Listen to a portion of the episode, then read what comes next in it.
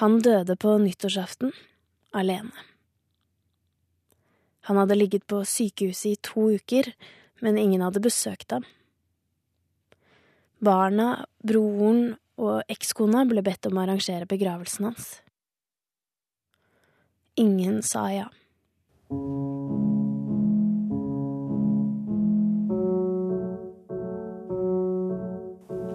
Radiodokumentaren sender. Epilog for herr Bodin. Et forsøk på å forstå en psykopat. Av Marte Solbakken. Den dagen jeg snubla over graven hans, da hadde jeg ikke sett ham på ti år. Hvor hen? Det ligger oppe ved der dere bodde. Det var helt tilfeldig. Jeg var der eh, for å besøke en annen grav, og så gikk vi en sånn lang omvei gjennom kirkegården. Og plutselig så ser jeg navnet hans på en gravstein. Det var veldig rart. Etterpå klarer jeg ikke slutte å tenke på ham, han som var stefaren min i to år fra jeg var elleve. For det jeg ikke forstår, er hvordan noen kan bli som ham. Så jeg begynner å skrive. Jeg ringer. Jeg sporer opp de som kjente ham, på jakt etter svar. Hvordan har livet hans vært, og hvordan har det vært å leve med ham? Hvordan klarte han å ødelegge så mye, til og med seg selv?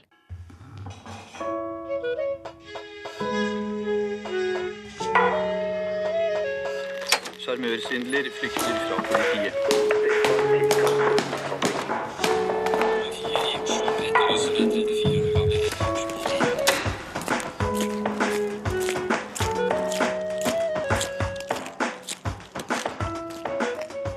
Han var kjent under mange navn, han som denne historien skal handle om. Et av dem var Edvard Bodin. Lotta husker ham som det var i går. Jeg var så veldig klar. Nå skulle jeg treffe drømmemannen. Hun er opprinnelig fra Finland og en av mange kvinner i herr Bodins liv. Hun har svart på kontaktannonsen hans i Aftenposten. Og jeg gledet meg grenseløst. Vi hadde jo hatt noen fantastiske telefonsamtaler. Og så har de truffet hverandre utenfor hennes jobb. Han er høy, med mørkblondt hår og isblå øyne, og han har på seg splitter nye klær. Han blir med henne hjem, og det første han gjør når han kommer inn døra, er å presse sekken sin inn i glippen mellom et høyt skap og taket, der Lotta ikke kan nå den. Han overnatter uten å spørre om det er greit. Og dagen etter står herr Podin opp mens Lotta og hennes fem år gamle datter fortsatt sover. Min datter hadde noen barnemøbel på barnebord og barnestol på rommet sitt. Og han lagde en vidunderlig frokost til datteren min. Serverte dette her, hennes leketøy, kopper og fat, og lagde bitte små brødskiver, og hun hadde aldri opplevd noe lignende. De satt der på hver sin ministol. I brevet hun sendte herr Bodin, har Lotta skrevet hva hun ser etter hos en mann. Han visste akkurat hva jeg ønsket. Han virket moden, han virket voksen, han virket morsom, han virket hyggelig, han virket seriøs. Han virket alt. Og en fantastisk stemme. Han hadde en veldig sånn betryggende og god stemme å snakke med. Men det var noe sånn nervøst i hans væremåte. Han hadde sår i ansiktet. I pannen og litt sånn skrubbsår. Og han holder liksom leppa nede Drar leppa ned for at ikke jeg skal se tennene hans. Hva var det med tennene hans, da? Det gikk jo flere dager at jeg oppdaget at han hadde brukket fortennene. Men du så det ikke? Jeg så det aldri. Jeg begynte jo ikke å stille noen spørsmål med en gang til meg selv om hva er dette her for noe. Han var så hyggelig at det var det som gjaldt.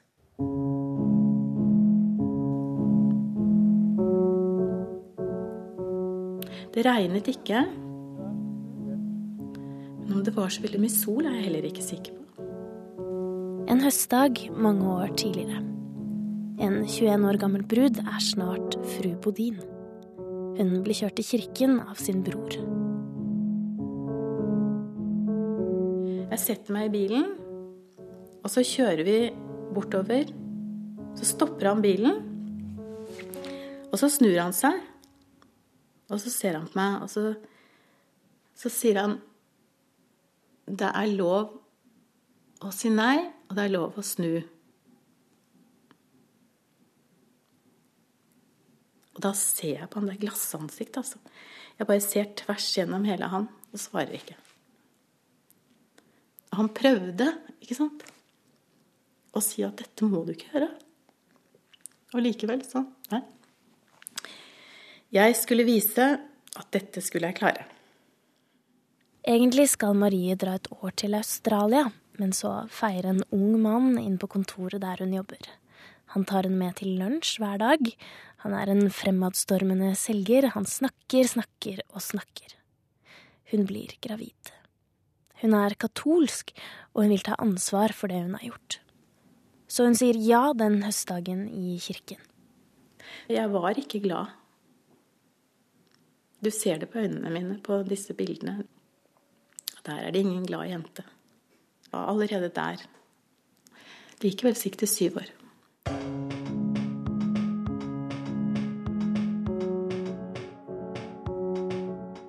Herr Bodin har en vakker ung kone og etter noen måneder en liten sønn.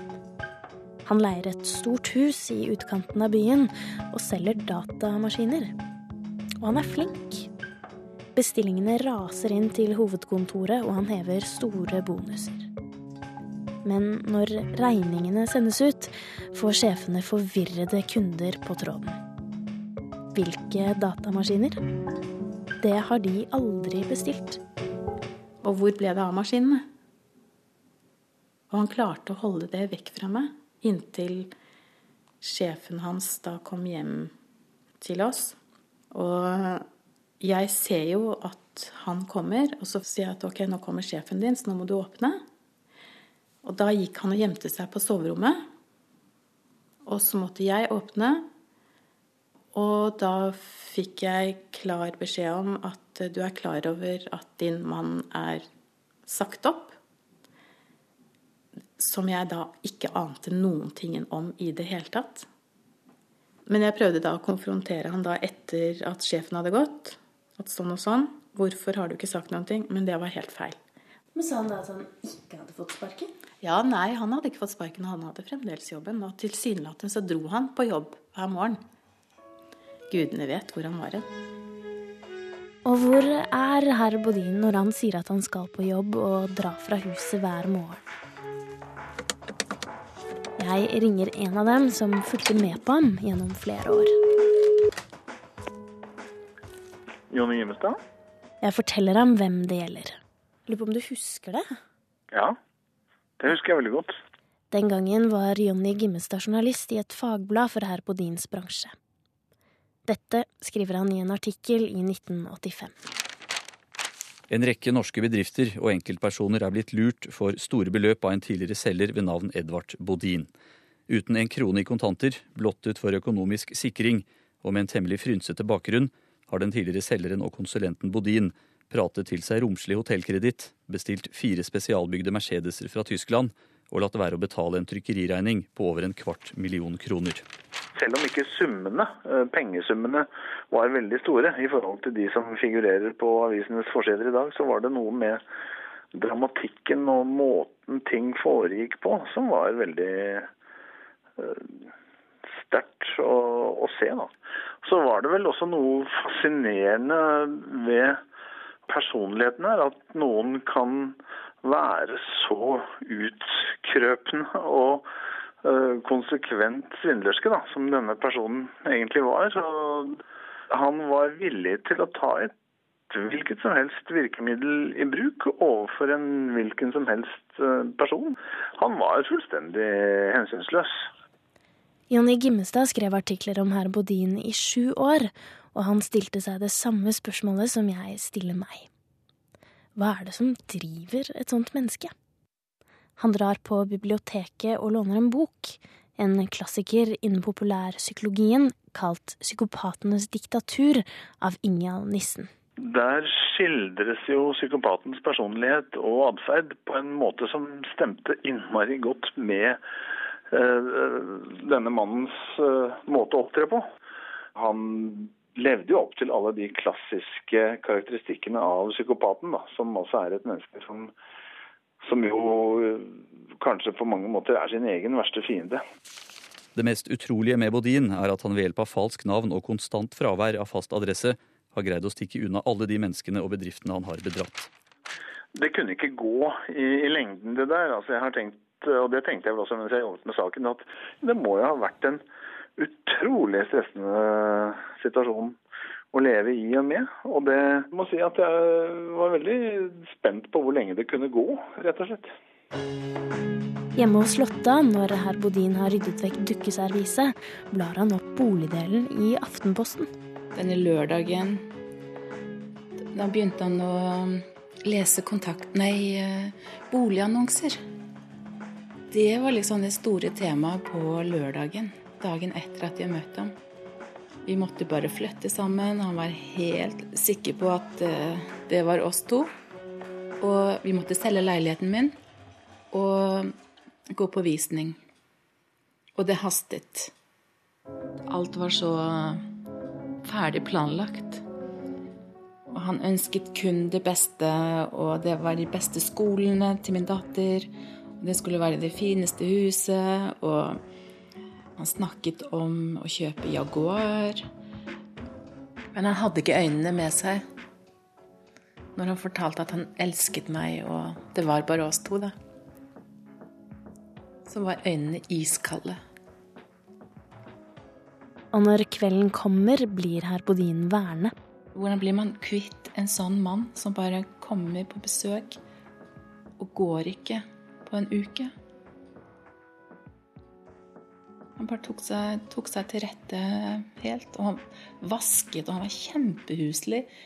Vasket gulvlister. Det var ikke støvkorn noen steder. Han var kjempeflink og lagde jo mat og Kjempekreativ eh, bare på en uh, suppepose og makaroni.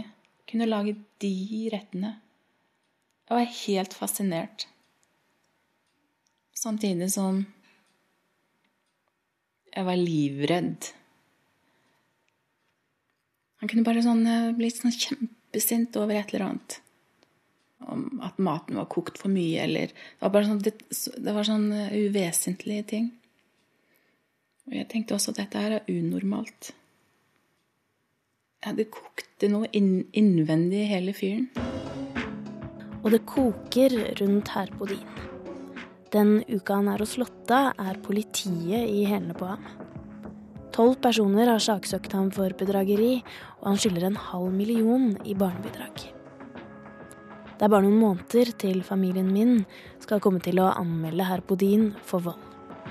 Og han gjør ikke mine til å forlate Lottas leilighet. Noen år tidligere, i et nytt leid hus, gir Herbodin sin kone beskjed om å gjemme seg under kjøkkenbenken når det hamrer på døra. Husleie, det betaler han aldri. Til slutt så måtte vi jo for så vidt rømme derfra. Vi flyttet ikke, vi rømte. Dere rømte? Ja, vi rømte derfra. Flyktet, kanskje. Vi hadde ikke noe mer penger igjen. Det var ikke Jeg jobbet ikke fordi jeg hadde den lille. Og han hadde fått sparken. Og da var det slutt på penger.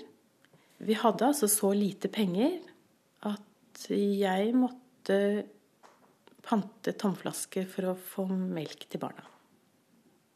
Jeg hadde, hadde ingenting. Det er nesten Nesten sånn i nattens mulm og mørke at man pakket bilen, og så dro man til et nytt sted man leide. Og det ble mange sinte huseiere. Flere anmelder herr Bodin, og en av dem legger ved et brev om hva han har opplevd. Edvard Bodin er utrolig dyktig til å lure folk, både skriftlig og muntlig, og han klarer faktisk å gi meg skyldfølelse med sine unnskyldende og godt planlagte brev. Til sist kommer jeg tilbake for å skifte lås. Jeg observerer at det nå står et stort balltre bak døren. Lensmannen kom vel på døren annenhver dag, tror jeg. Du har dette lille spiskammerset, og så har du kjøkkenet, og så har du inngangsdøren. Og han står der noen få meter unna, og står der og gjemmer seg, og jeg får klare beskjeder om at jeg er ikke hjemme. Og lar meg bare ta imot all den dritten, for å si det mildt. Og bryr seg katten så lenge han slipper å bli konfrontert med det. Og så tillater jeg det. Og det, det syns jeg er helt forferdelig å tenke på at jeg ikke Altså, hvorfor sa jeg ikke Ba lensmannen inn og sa 'her, kom hit', og åpne døren til spisskammeret og si 'her er mannen'? Kan du begripe at jeg ikke gjorde det. Ja, hvorfor fant du deg i det i sju år? Nei, det var at jeg var fullt og helt hjernevasket. Og han hadde en så stor makt. Sterk. Og ikke nødvendigvis fysisk, men det var det psykiske det gikk på hele tiden. ikke sant? Ingenting jeg gjorde, var bra. Absolutt ingenting. Um, jeg skjønner ikke den dag i dag hvorfor jeg ikke dro. Jeg fatter det ikke. Jeg kan ikke skjønne. Så derfor så, og når jeg hadde jo magefølelsen, den var der hele tiden, egentlig helt fra starten av, at her er det noe som ikke stemmer. Men han fikk altså det, det hvite papiret som jeg så foran meg, han fikk det til å bli svart. Og sånn noe skyldfølelse for ting? Overhodet ikke. Det var bestandig andres feil. Ja, så blir jeg der, da. Jeg skjønner ikke. Jeg skjønner ikke. Marie er 27 år. Hun har etter hvert to små barn, men ingen penger å kjøpe mat for. Hun har en mann som får besøk av pengeinnkrevere annenhver dag, og hun er deprimert. De har ingen venner, hun får knapt forlate huset. Når hun skriver brev til familien, står herr Bodin over henne og dikterer hva hun skal skrive. Sønnen Morten er blitt seks år og faren vil at han skal være best i alt. Han river ut leksene hans fra kladdeboka hvis det ikke er bra nok.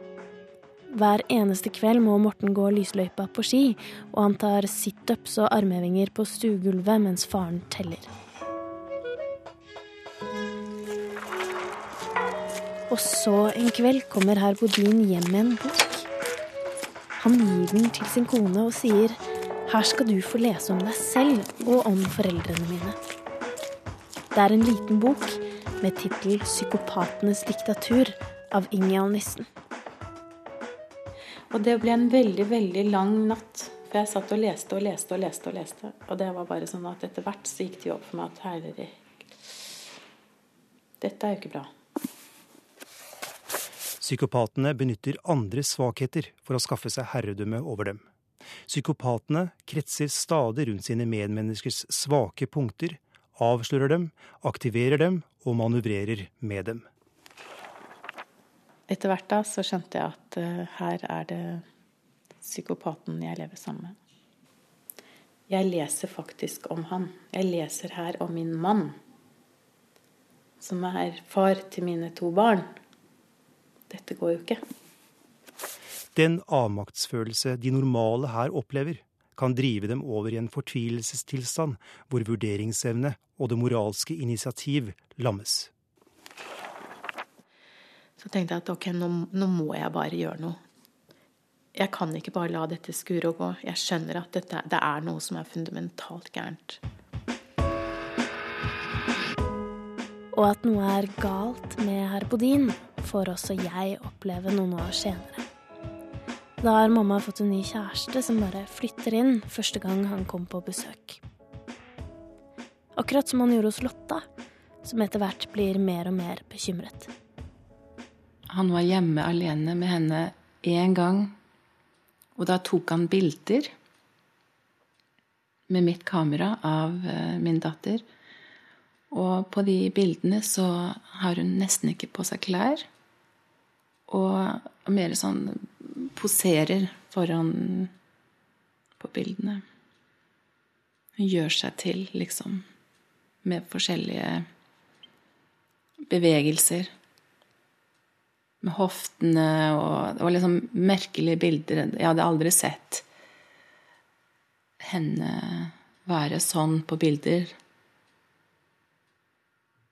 De bildene jeg syntes de var helt forferdelige, så de rev jeg i stykker og kastet.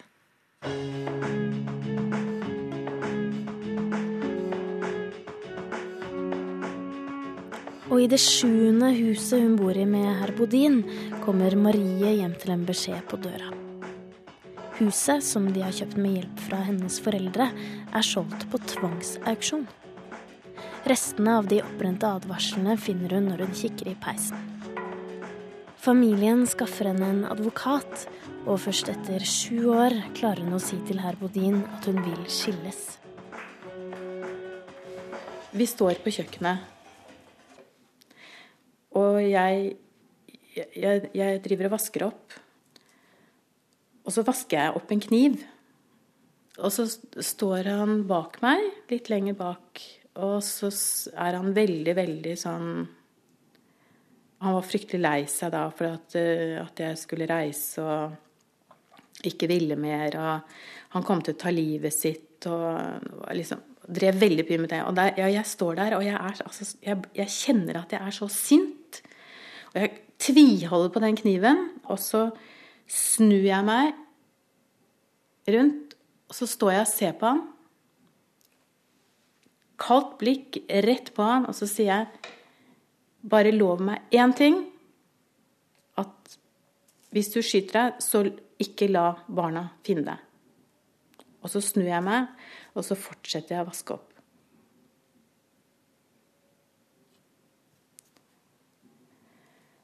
Da er det akkurat som det er en sånn luft som går ut av meg, hvor jeg liksom tenker at ah, nå har jeg virkelig Nå har jeg fått sagt det jeg mener.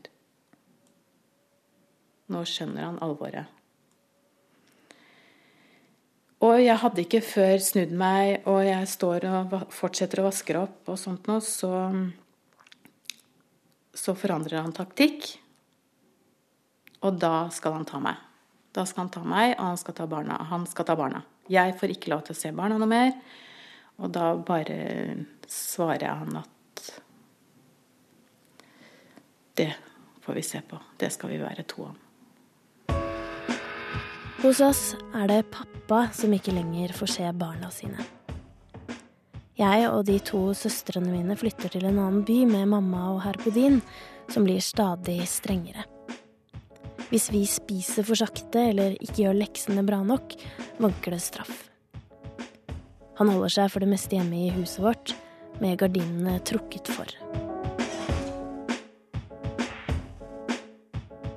Noen år senere, og herr Bodin har ikke forlatt leiligheten til Lotta på en uke. Så sier han at han skal ut og gjøre et ærend. Han lirker ryggsekken ut fra toppen av skapet, og med det samme han er ute av døra, griper Lotta sjansen. Han har nevnt fornavnet på en eks som bor i Bergen.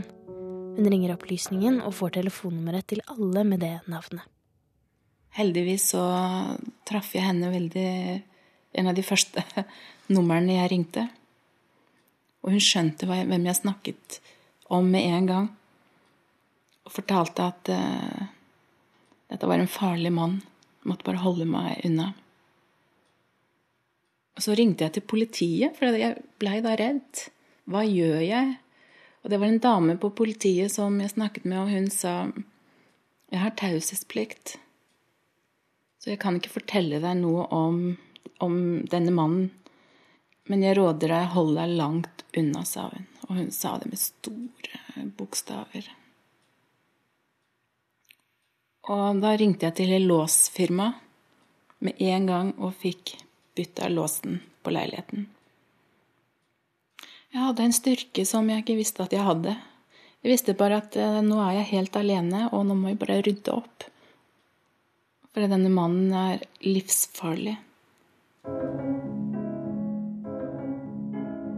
Siste gang jeg ser her på din, er jeg 13 år og oppdager at han har gjemt en veps i maten min.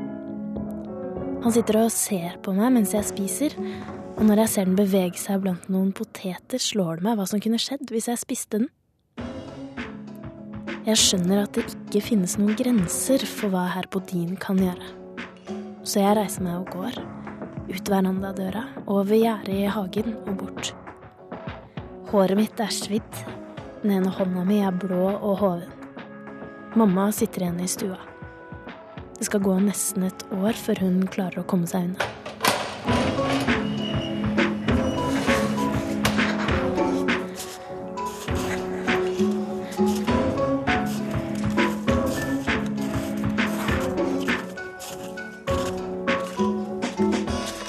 Når Marie drar, tar hun med seg barna.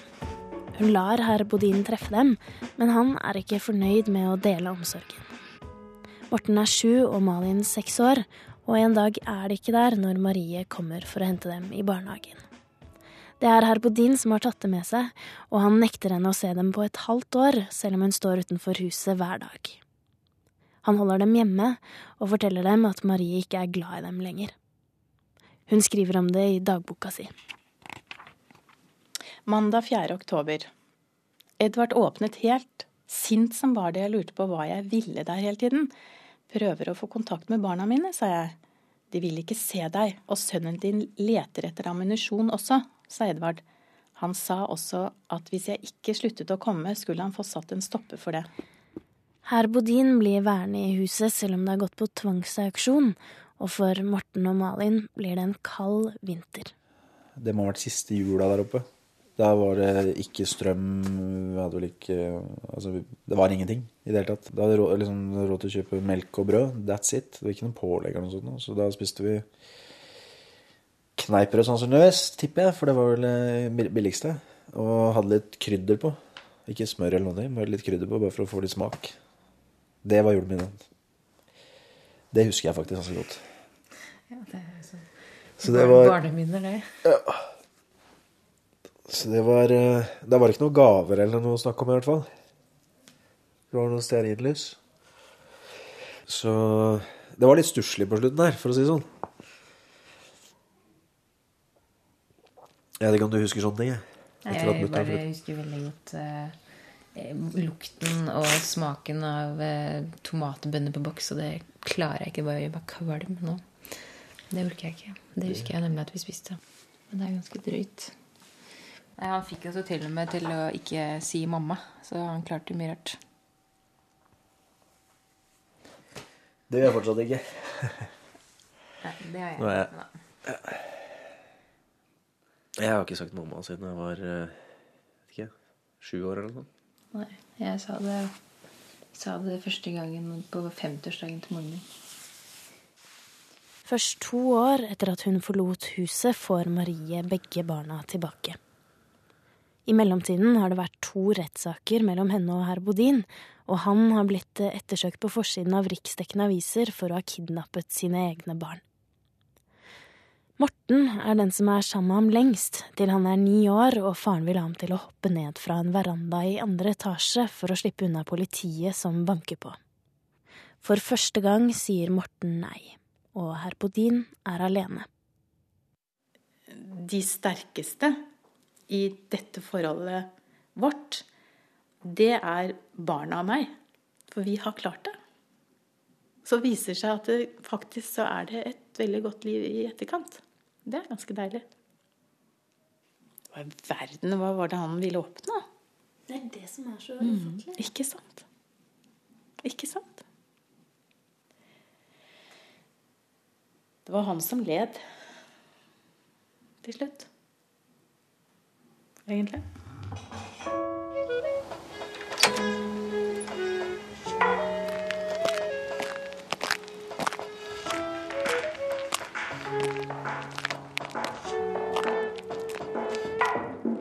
Dette her skulle være fortellingen om herr Bodin. Det jeg helst vil finne, er noe som forklarer ham.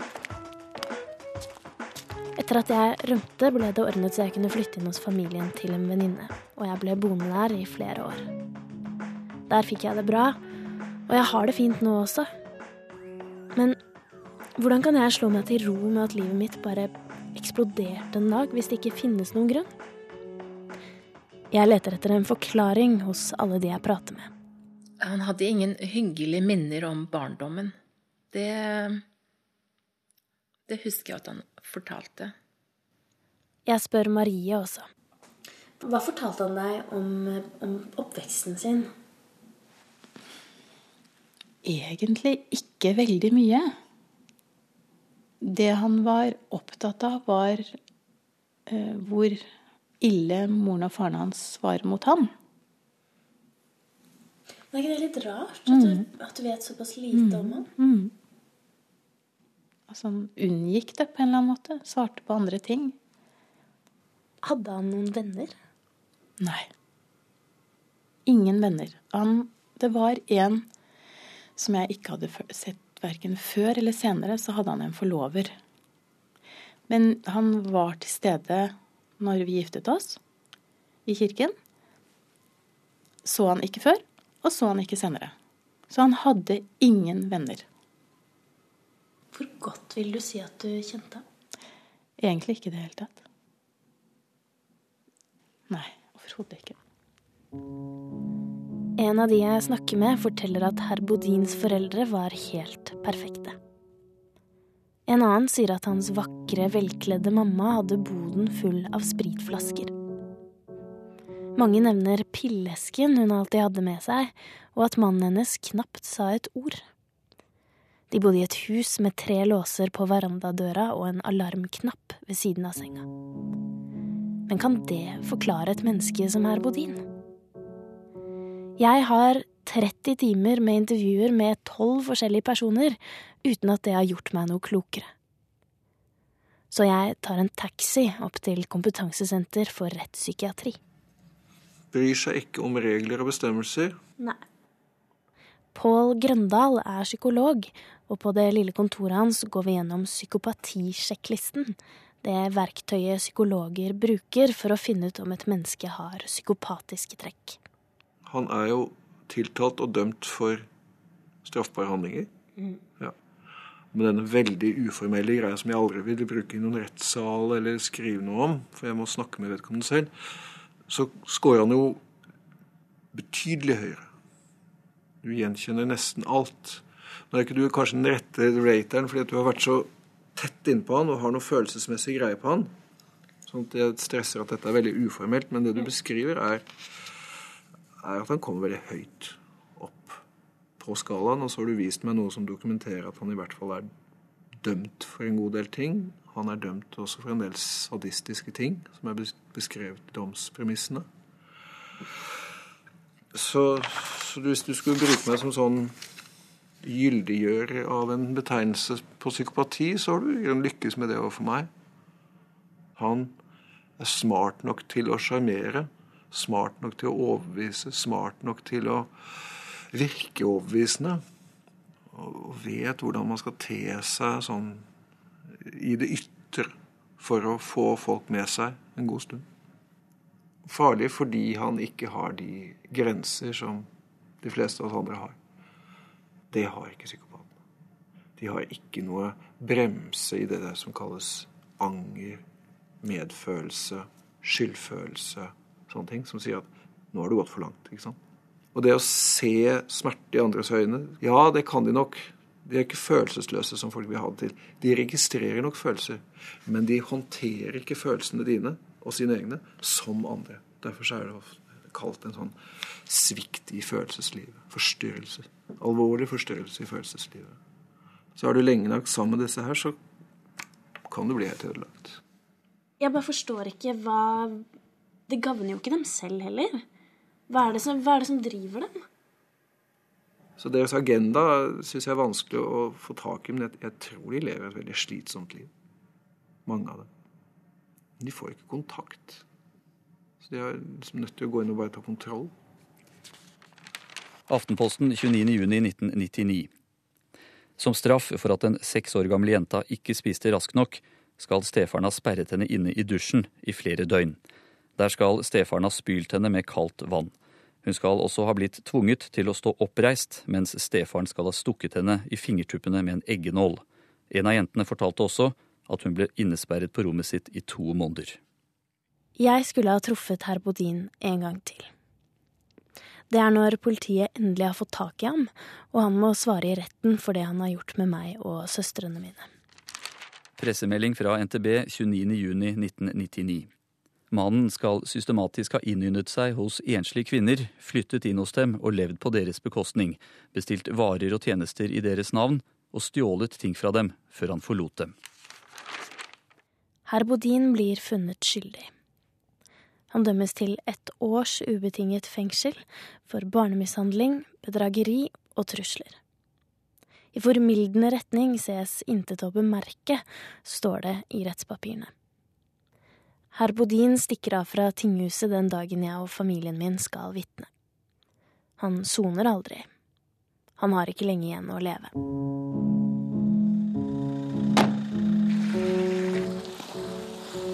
Morten har blitt voksen og leser om rettssaken i avisa. Det står ingen navn, men han skjønner hvem det handler om. Noen dager senere går han forbi en uterestaurant på Grünerløkka. Hvor jeg drar kjensel på en som sitter på et av bordene ute der og tar seg en halvliter. Sitter alene. Jeg går da sammen med min daværende kjæreste og kvekker skikkelig til, for jeg plutselig finner ut at ok, det er, det er faren min jeg ser. Det er mange år siden jeg har sett han. Umiddelbart kjenner sinnet bygger seg opp innvendig. Det går veldig mye forskjellige tanker gjennom hodet med en gang. Og det er, det, er, det er, så intenst akkurat der og da. Det er liksom alt mulig rart fra gammelt av som dukker opp. Og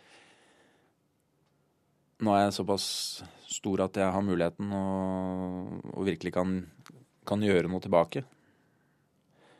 Går fort og målretta hjem og, og finner fram et balltre. Det første som uh, kommer opp i hodet på meg og tenker at nå skal jeg få, virkelig få tatt den. Gudskjelov så er det noen hundre meter å gå, så man får tid til å tenke litt. Morten stopper midt i Torvald Meyers gate. Og der og da så skjønner jeg at uh, jeg må bare stelle meg over det. altså La det ligge bak meg. Dette er ting som har skjedd. Og det er han som virkelig har uh, gravd sin egen grav. Jeg har det bra og kommer til å få det bra. Men hvis jeg gjør det jeg tenker, så, så er det meg selv det går utover. Så jeg, jeg tar meg i det og, og, lar det ligge. Og etter det så ser jeg han aldri igjen.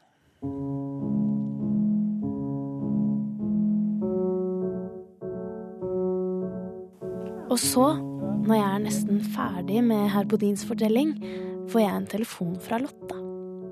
Hun sier hun har kommet på noe. Han fortalte meg en eh, episode fra barndommen. Og når han fortalte det, så kom han i en helt annen modus. Han blei oppriktig Jeg så at han ble oppriktig fortvila og lei seg når han forteller meg at han var liten gutt det var 17. mai. Eh, han hadde på seg rene, nye klær, og familien skulle ut og feire dagen. Og så klarer han å gjøre seg møkkete før de skulle av gårde. Og moren reagerer og blir rasende og låser ham inn i et skap. Og han blir stående inni dette skapet hele 17. mai mens familien er ute og feirer dagen.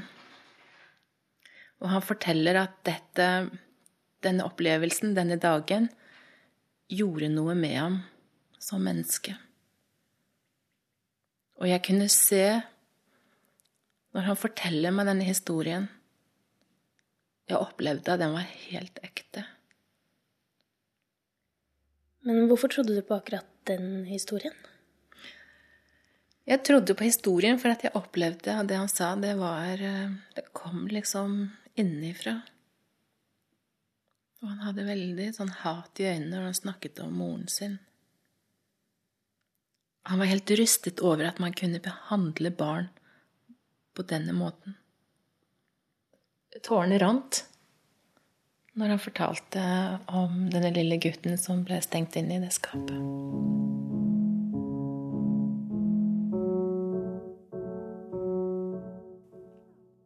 Han døde på nyttårsaften, alene. Livet hans var fullt av folk som gikk ut verandadøra og aldri kom tilbake. Han var alltid på rømmen. Moren hans låste ham inne i et skap på 17. mai da han bare var en liten gutt. Jeg vet ikke om jeg egentlig burde tro på det. Det jeg vet, er at ingen kjente herr Bodin. Og før den nyttårsaften, det er i 2001, er det ingen av dem jeg snakker med som har besøkt ham på sykehuset. Han har ligget i koma i to uker etter en hjerneblødning. Han har alltid hatt skyhøyt blodtrykk. Herr Bodin blir 51 år gammel. Han blir liggende i sykehusets kjeller i fire uker uten at noen gjør krav på liket. Til sist er det kommunen som begraver ham.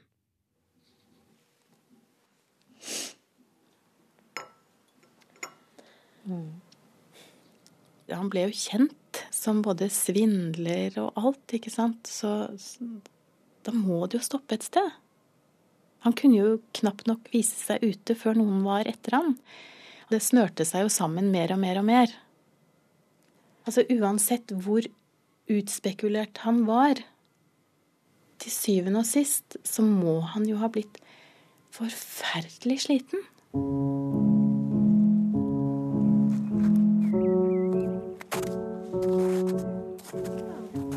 Er vår, og om noen dager ville herr Bodin blitt 60 år. Kirkegården er stille, og snøen på graven hans er helt hvit. Kommunen betaler for plassen i tolv år til, så vil den være borte. Jeg vet ikke helt hvorfor jeg har kommet hit.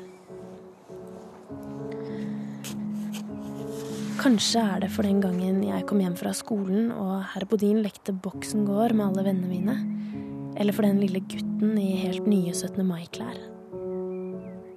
Kanskje er det for meg selv. Jeg graver litt i snøen foran den grå steinen, og så går jeg min vei. Jeg har ikke tenkt å komme tilbake.